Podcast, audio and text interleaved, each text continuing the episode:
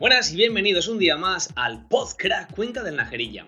Hoy, 17 de febrero, queremos hablar de lo que trabajamos en el cole la semana pasada, la semana de carnaval. ¿Cómo hemos celebrado carnaval? Con la patarrona. ¿Y qué es la patarrona? A principios de febrero recibimos en el cole una carta muy especial. En ella una señora muy mayor, con cinco piernas y una cara de bruja que daba un poco de miedo, nos contaba su historia acerca del carnaval. Nos gustó tanto lo que nos contó que decidimos hacerle caso. Cada día de la semana, todos los alumnos y alumnas de nuestro cole tenían que venir con una parte del cuerpo disfrazada. El lunes tocó llevar algo en la cabeza. El martes, los zapatos tenían que venir desparejados.